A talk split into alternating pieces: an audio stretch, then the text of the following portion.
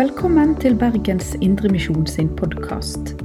For mer informasjon om oss, besøk oss på betlehem.no, eller finn oss på Facebook og Instagram der som Bergens Indremisjon.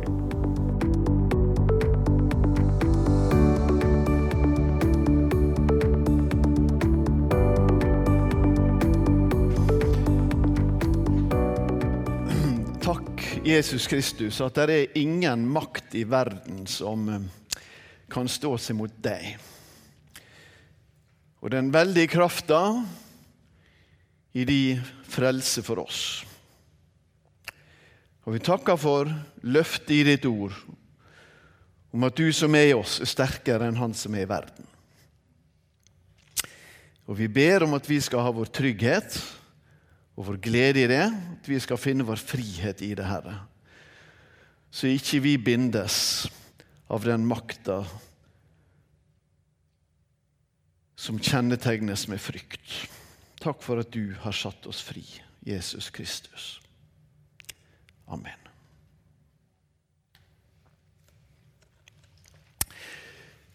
Utrolig kjekt å se dere alle sammen. Et godt fullsatt Betlehem. Det er veldig kjekt. Eh, ja, Birgitte, jeg vet ikke om det er så mye mer å si om meg. Både du og jeg er jo barn av predikanter. ikke sant? Så det, og, eh, og, vi har dermed både dømt til å om ikke være så mye være i dette huset, så iallfall i det huset som var her før. Eh, så det er nå litt av min bakgrunn. da. Fram til jeg var 11 år og vi flytta i 1970, så var vi i ridehallen i Betlehem, som ble kjøpt på 1800-tallet når Bergens Indremisjon flytta fra Hotell Norge, hadde jeg nær sagt, bort i området der og bort hit. Så, og det var en stor, stor sak å få, få, vokse opp der. Jeg har vært på bibelskolen, jeg har undervist for mange av disse elevene her, eller studentene her også, så jeg trenger ikke si så mye mer enn det. Men jeg har altså vært på bibelskolen òg, i åtte-ni år som lærer. Sånn at jeg har et fotfeste i begge miljøer her. Men så har jeg gjort en del andre ting òg, og ikke minst for misjonsleder i ganske mange år. Det var et stort privilegium. Og nå har jeg fått slått meg til ro eh, på NLA. Og Jeg håper å se mange av dere på søkerlisten på NLA. Dere er hjertelig velkommen dit til høsten som studenter på forskjellige løp. Um, ja Jeg kom ikke unna kjente jeg i dag, å, å tale når jeg skulle tale, og få berøre noe av det som likevel berører oss alle. Eh, og kanskje få si noe om Midt i den situasjonen vi opplever i Europa i dag, eh, og si noe om eh, han som har større makt. Ehm, og vi skal da lese litt ifra apostelgjerningene kapittel 26. Vi skal lese vers 1, og så skal vi lese vers 19 29. Og Dette er jo en sammenheng der Paulus er blitt fange han blir fanga i kapittel 21 i apostelgjerningene. Og nå sitter han i Cesarea ved havet og i påvente av videre saksgang. Og han er i ferd med, han har anka til keiseren, så han skal snart sendes til Roma. Men først så har da prokuratoren, landshøvdingen, Festus, han har invitert kong Agrippa som vel egentlig ikke hadde kongetittel, men Agrippa den andre i alle fall, til å komme og lytte til det Paulus har å si, for å få et råd om hva han skal gjøre med han. Og Der inne i audienssalen i Cesarea, som er altså keiserens by, eh, så er det at dette utspiller seg.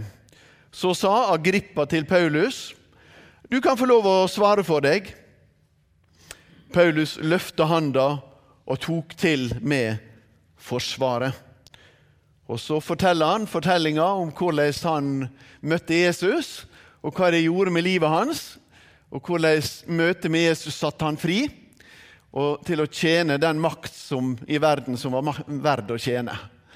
Og Så går vi inn i vers 19. Og derfor, kong Agrippa, har jeg ikke vært ulydig mot det himmelske synet. Tvert om har jeg forkynt, først i Damaskus og Jerusalem, siden i hele Judea og for heidningfolka, at de må skifte sinn og vende om til Gud og gjøre gjerninger som svarer til omvendinga. Derfor var det noen jøder greip meg i tempelet og ville drepe meg. Men til denne dag har Gud hjulpet meg, og nå står jeg her og vitner for høg og lav, og jeg sier ikke annet enn det som profetene og Moses sa skulle hende. At Messias skulle lide, at han skulle være den første som sto opp fra de døde, og at han siden skulle forkynne lyset både for vårt folk og for heidningefolka. Da han kom til disse ordene i forsvarstalen, ropa Festus høyt. Du er fra sans og samling, Paulus! Den store lærdommen din driver deg fra forstanden. Men Paulus svarer, jeg er ikke fra forstanden, vørde Festus. Alt det jeg sier, er sant og vel gjennomtenkt. Kongen kjenner til disse tinga. Derfor taler jeg så frimodig til han. Jeg kan ikke tro at noe av dette er ukjent for han. Det har da ikke gått føre seg i en avkrok. Tror du profetene, kong Agrippa? Jeg veit du tror. Da sa Agrippa til Paulus, det er like før du får overtale meg til å bli en kristen. Paulus svarer, like før eller lenge att. Det er mitt ønske at Gud, til Gud at både du og alle som hører meg i dag, må bli som meg men uten disse lenkene. Og så forlot de høye herrer audiensrommet for å drøfte saka i det skjulte.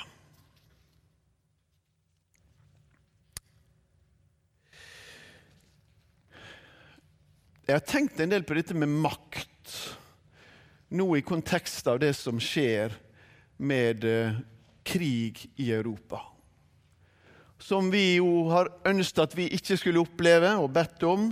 Og mange har trodd nei, det kommer ikke vi til å oppleve. Mennesket utvikler seg jo til det bedre, ikke sant? Eller nei, kanskje var det Sigrid Undset som hadde rett, som sa det at menneskets hjerte forandrer seg ikke noen ting alle dager.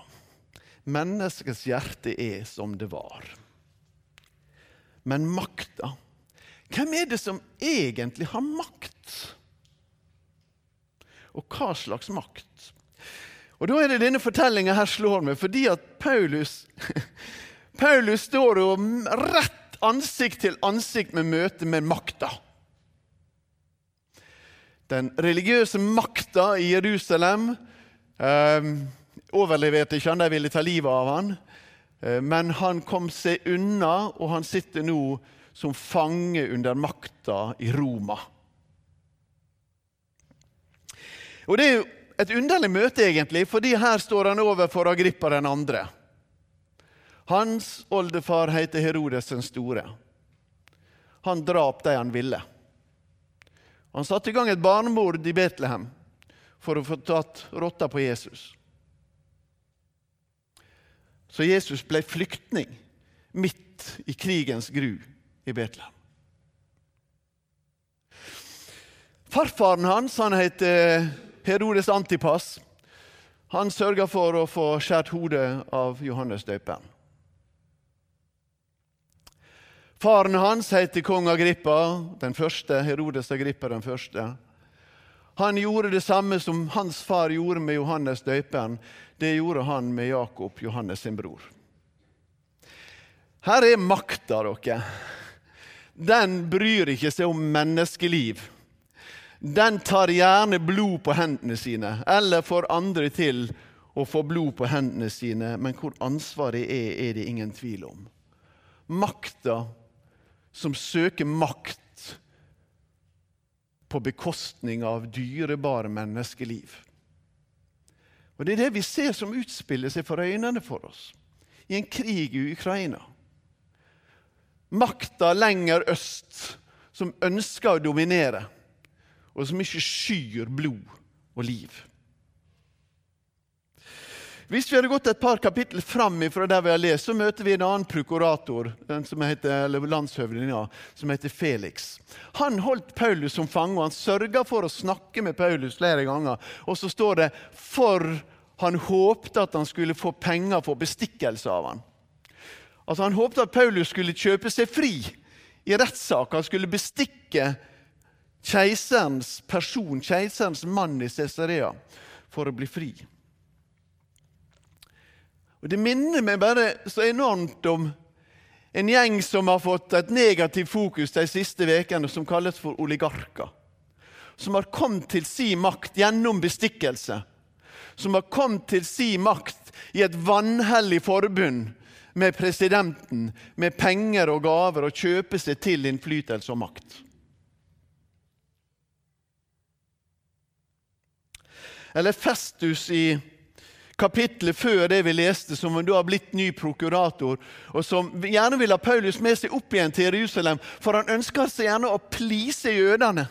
Eller de jødiske lederne. Han ønsker seg gjerne å få komme opp til dem og sette Paulus i risiko for å bli drept når han kommer tilbake til Jerusalem. Betydde ingenting for han.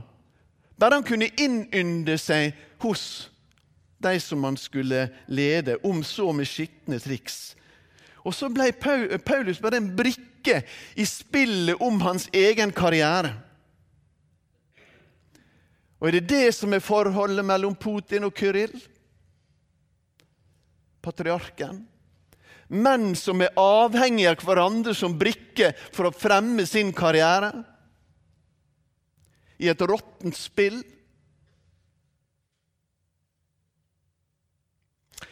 Eller bak deg alle han som Paulus gjerne vil sendes til. Og det kan være ironisk nesten å tenke på. Den Paulus vil inn og ankes i sak for, vet dere hva han heter? Han heter Nero. Han heter av alle ting Nero keiser Nero. Hva var det som kjennetegnet keiser Nero? Han var paranoid, og han var konspiratorisk.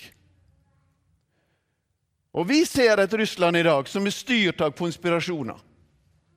Vi ser en president i det største landet i verden som er styrt av konspirasjoner. Og vi ser hva det fører til når vi lytter til konspirasjoner, som også en del kristne har hatt lett for å gjøre. Konspirasjoner er livsfarlig når de får makt. De setter ingen mennesker fri, men de låser oss, og de binder oss.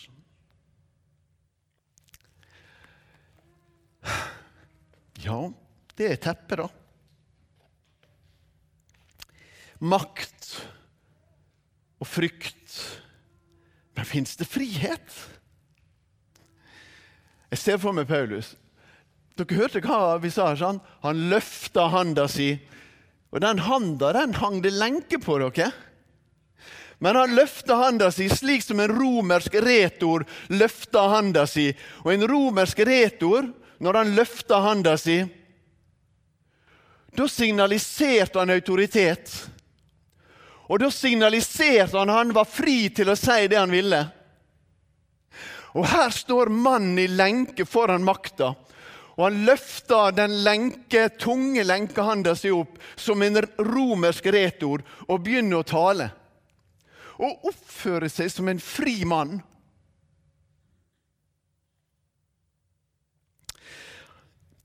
Han ter seg som den frie overfor de mektige. Og han er så frimodig der han står, at han sier jeg skulle ønske at dere Dere er frie romerske borgere. Dere sitter med all den makta som dere har. Vet dere hva?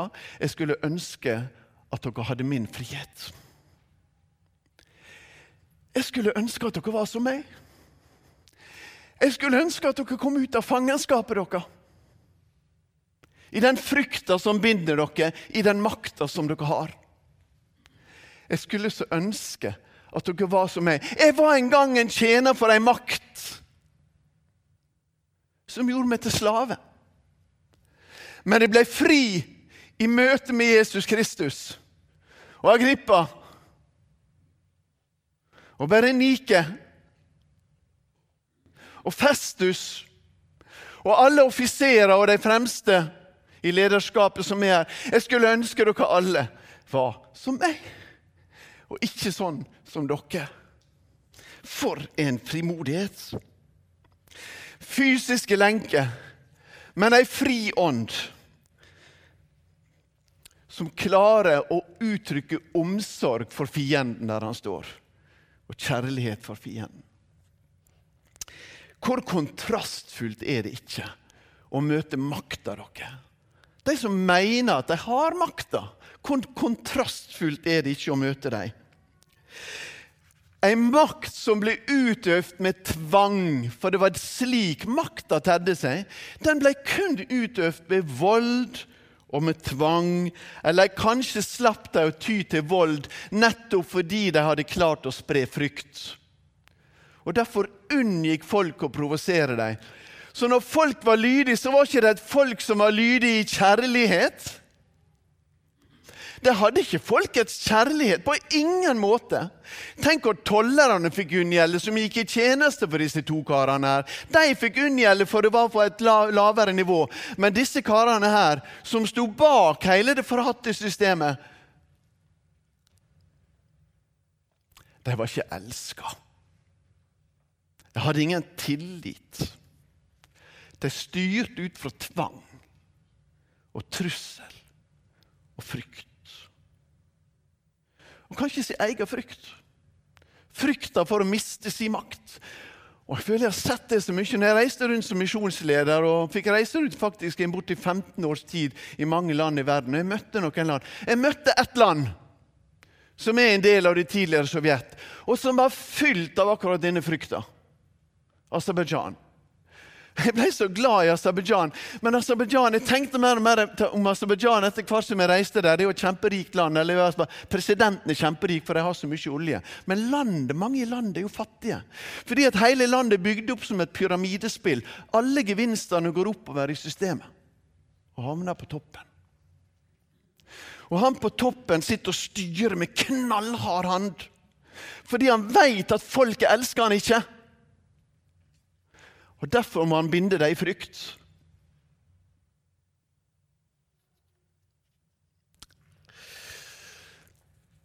Frykt. Det er en del som er redd for, eh, for kristne også, midt i vår tid. Det var nok en av grunnene til at de var redd de kristne også etter hvert som den kristne bevegelsen vokste i oldkirka. De ble redd for de kristne, for de kristne nekta å bøye kne og kalle Nero og andre keisere for Kyrios. Det var et krav til alle romerske borgere. Dere skal bøye dere for keiseren og kalle ham for Kyrios, herre. Og de kristne sa han er ikke vår Kyrios. Vi har en annen Kyrios. Vi har en annen herre. Herren Jesus Kristus. Og så ble makta redd for de kristne. Fordi de kristne ikke var rett for den frykta som makta spredde. Og Det er også Paulus her, som er fri til å utfordre. ikke sant? Jeg skulle ønske dere alle var Du Tror du, kong Agrippa? Jeg veit at du tror. Det er jo rimelig frimodig, da. Men det er han som er den frie mannen. Hva kan de andre si? Ja, De kan bare trekke seg tilbake i sine lukka rom etterpå og snakke fortrulig med hverandre og ikke la noen høre det de har å si, for det kunne være farlig hvis folk visste hva makta egentlig tenkte.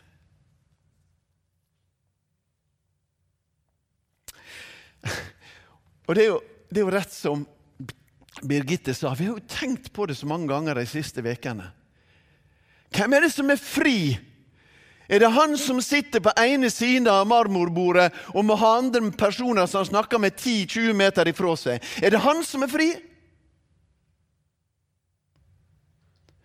Eller er det han som går rundt i Kyiv sine gater, i bunkerser, ut i stridsområdet, ut i ruinene, ut og møte folket.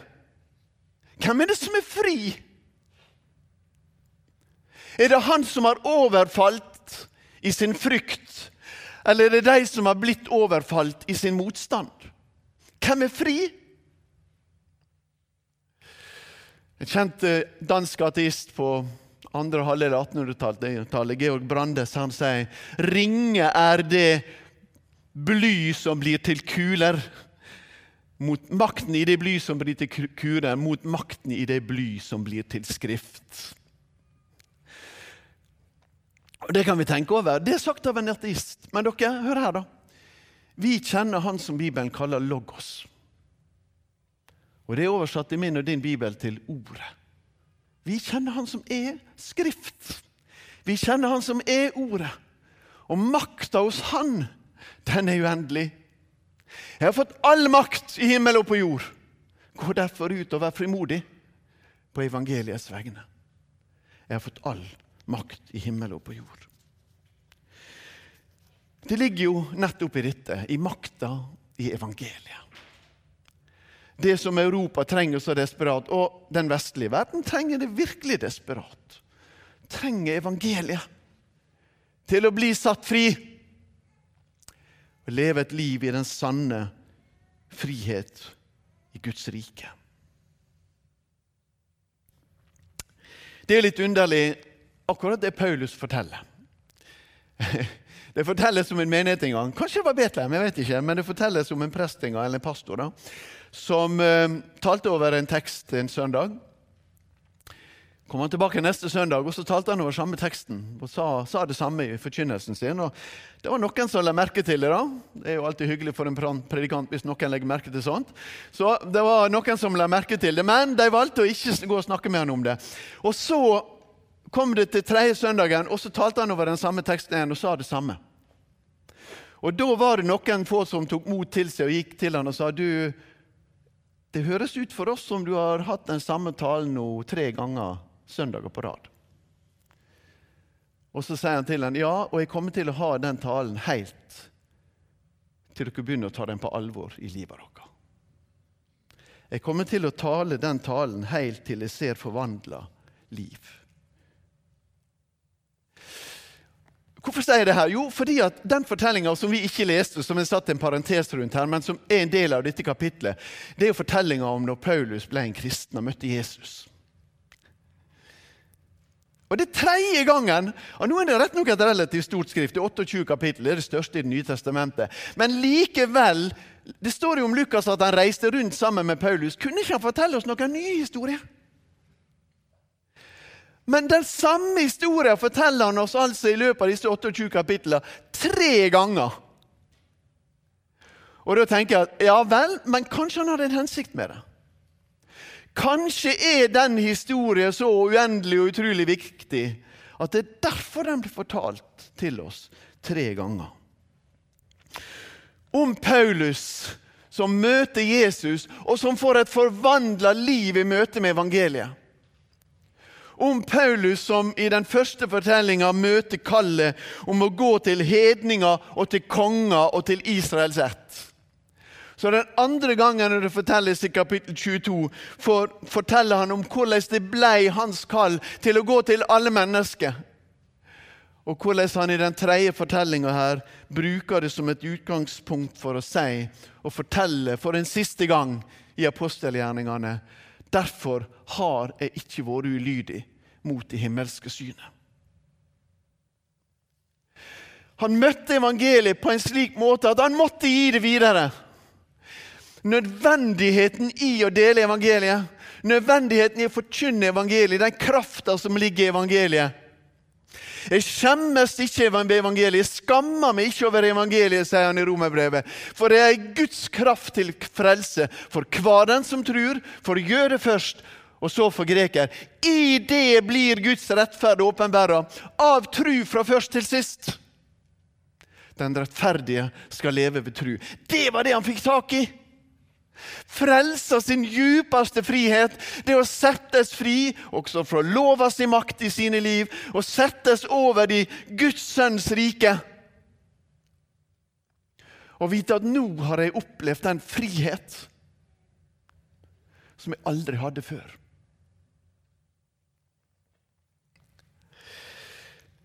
Så ble det nødvendig for han å forkynne evangeliet. Så ble det nødvendig for han å være lydig mot kallet. Så ble det nødvendig for Paulus å gå ut i misjonstjeneste i sitt liv og dele evangeliet. Kan vi kjenne kallet til det? Kan du kjenne det i ditt liv? Det er noe Gud berører.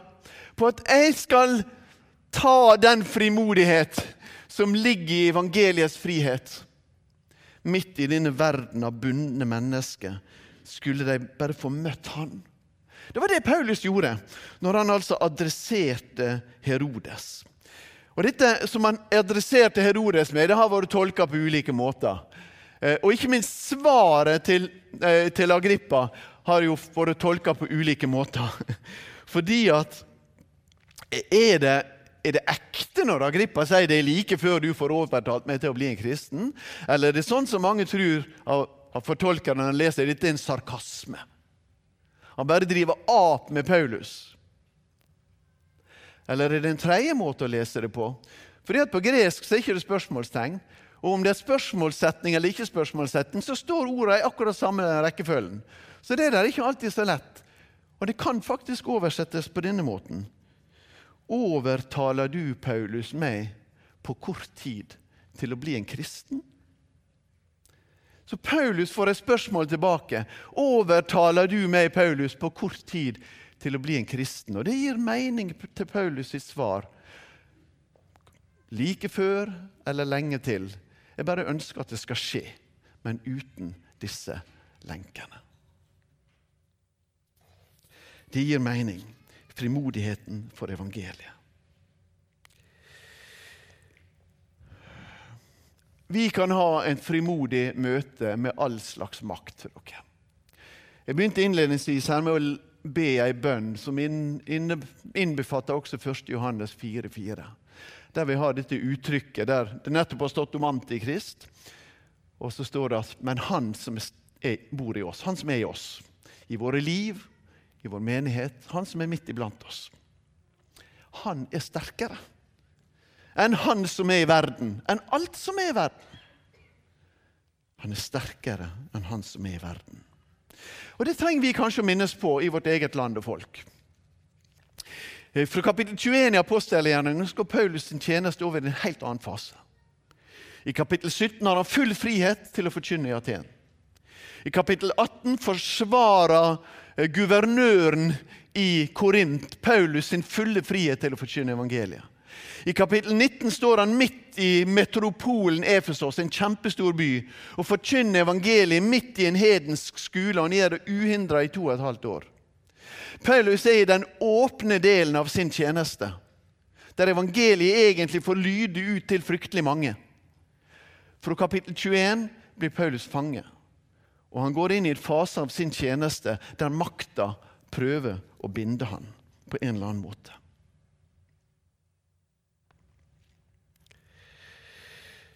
Og Kanskje gjenkjenner vi noe av det også i vårt eget land. Vi har hatt en lang lang periode i vårt eget land der mange mennesker som sjøl ikke kjente trua på Jesus, syntes det var bra hvis barna deres kom til Betlehem eller andre plasser, for da fikk de iallfall med seg noen gode verdier. Det har vært kulturen i Norge.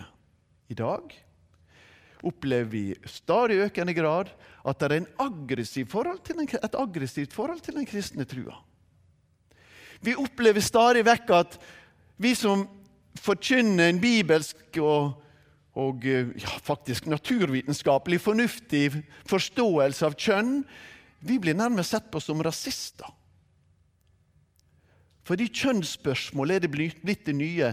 Og denne omdefineringa av kjønn som vi har i samfunnet vårt, er blitt på en måte den nye rasismen hvis vi står opp imot det. Og Skulle vi stå fram og forsvare barnets rett i mors liv til å bli bevart, for å bevare livet, så er det mange som ikke vil sende sine barn og unge til oss, for da har vi stigmatisert oss sjøl. Eller hvis vi i møte med det religiøse mangfoldet skulle finne på å gå Paulus sin vei og si det at alt jeg sier, er sant og vel gjennomtenkt, og det står opp imot den løgna som er i falsk religiøsitet så vil vi bli sett på som intolerante mennesker. Og vi blir sett på som intolerante mennesker midt i den kulturen som vi er en del av. Vi har vært gjennom kanskje det samme skiftet som vi mer symbolsk ser hos Paulus her. Vi har hatt vår tid av full frihet. Vi har fortsatt vår tid av full frihet. Vi har ikke forfølging i Norge. Men vi har visse grep av diskriminering der vi er ønska inn i stillhet. Vi er ønska inn i taushet. Sjøl om vi forkynner det kristne og humane, sjøl om vi forkynner det som har kristne som også har en god forankring i det vitenskapelige, så er vi ønska til stillhet. Vi må aldri la oss ønske til stillhet dere. Vi forkynner sannheten frimodig. Festus prøvde å stoppe Paulus og si 'Du er gal, Paulus', men Paulus kontrer tilbake 'Jeg er ikke gal'. Jeg forkynner sannheten. Våger vi å si det? Våger vi å ta det inn i vår verden? Våger vi å ha den frimodigheten? Har vi det i bunnen hos oss som Paulus hadde? Jeg kan ikke være ulydig mot det himmelske synet. Da jeg var 17 år, så jeg gikk gjennom noen måneder av livet mitt der det gikk opp for meg at jeg hadde et kall til å gjøre det som jeg gjør i dag. Å forkynne Guds ord, dele evangeliet. Og Jeg har hatt ulike stillinger, ulike titler. Men det har alltid vært viktig for meg at dette må jeg holde fast ved. For det er mitt himmelske syn. Og Jeg har ikke fått noe signal om at jeg er tatt tilbake. Derfor må jeg være lydig mot det. Gi det videre. Gi frimodighet ved evangeliet. Og Jeg har lyst til å utfordre deg, du som er kommet til Betlehem i dag. Hva er ditt himmelske syn? Hva har du sett? Hva er visjonen i ditt liv? Jeg spør ikke hva er ambisjonen i ditt liv, men hva er det himmelske overlyset inn i ditt liv? Hva er den himmelske visjonen? Hva viser Gud deg? Hvem viser Gud deg at du skal gå til å være noe for? Og Det er kun når vi følger himmelens kall og Jesu røst, at vi kan erfare den fulle friheten. Friheten i å høre til, friheten i å kjenne evangeliet, friheten i å høre til Kristus. Men også friheten i å følge Han som har all makt i himmel og på jord. Når Europa er i fred, og når Europa er i krig, å stå opp for mennesket med evangeliet som drivkraft. Kjære Jesus. Vis oss i våre hjerter og våre tanker hva ditt syn for våre liv er. Og la oss følge din røst og ditt kall i vår hverdag.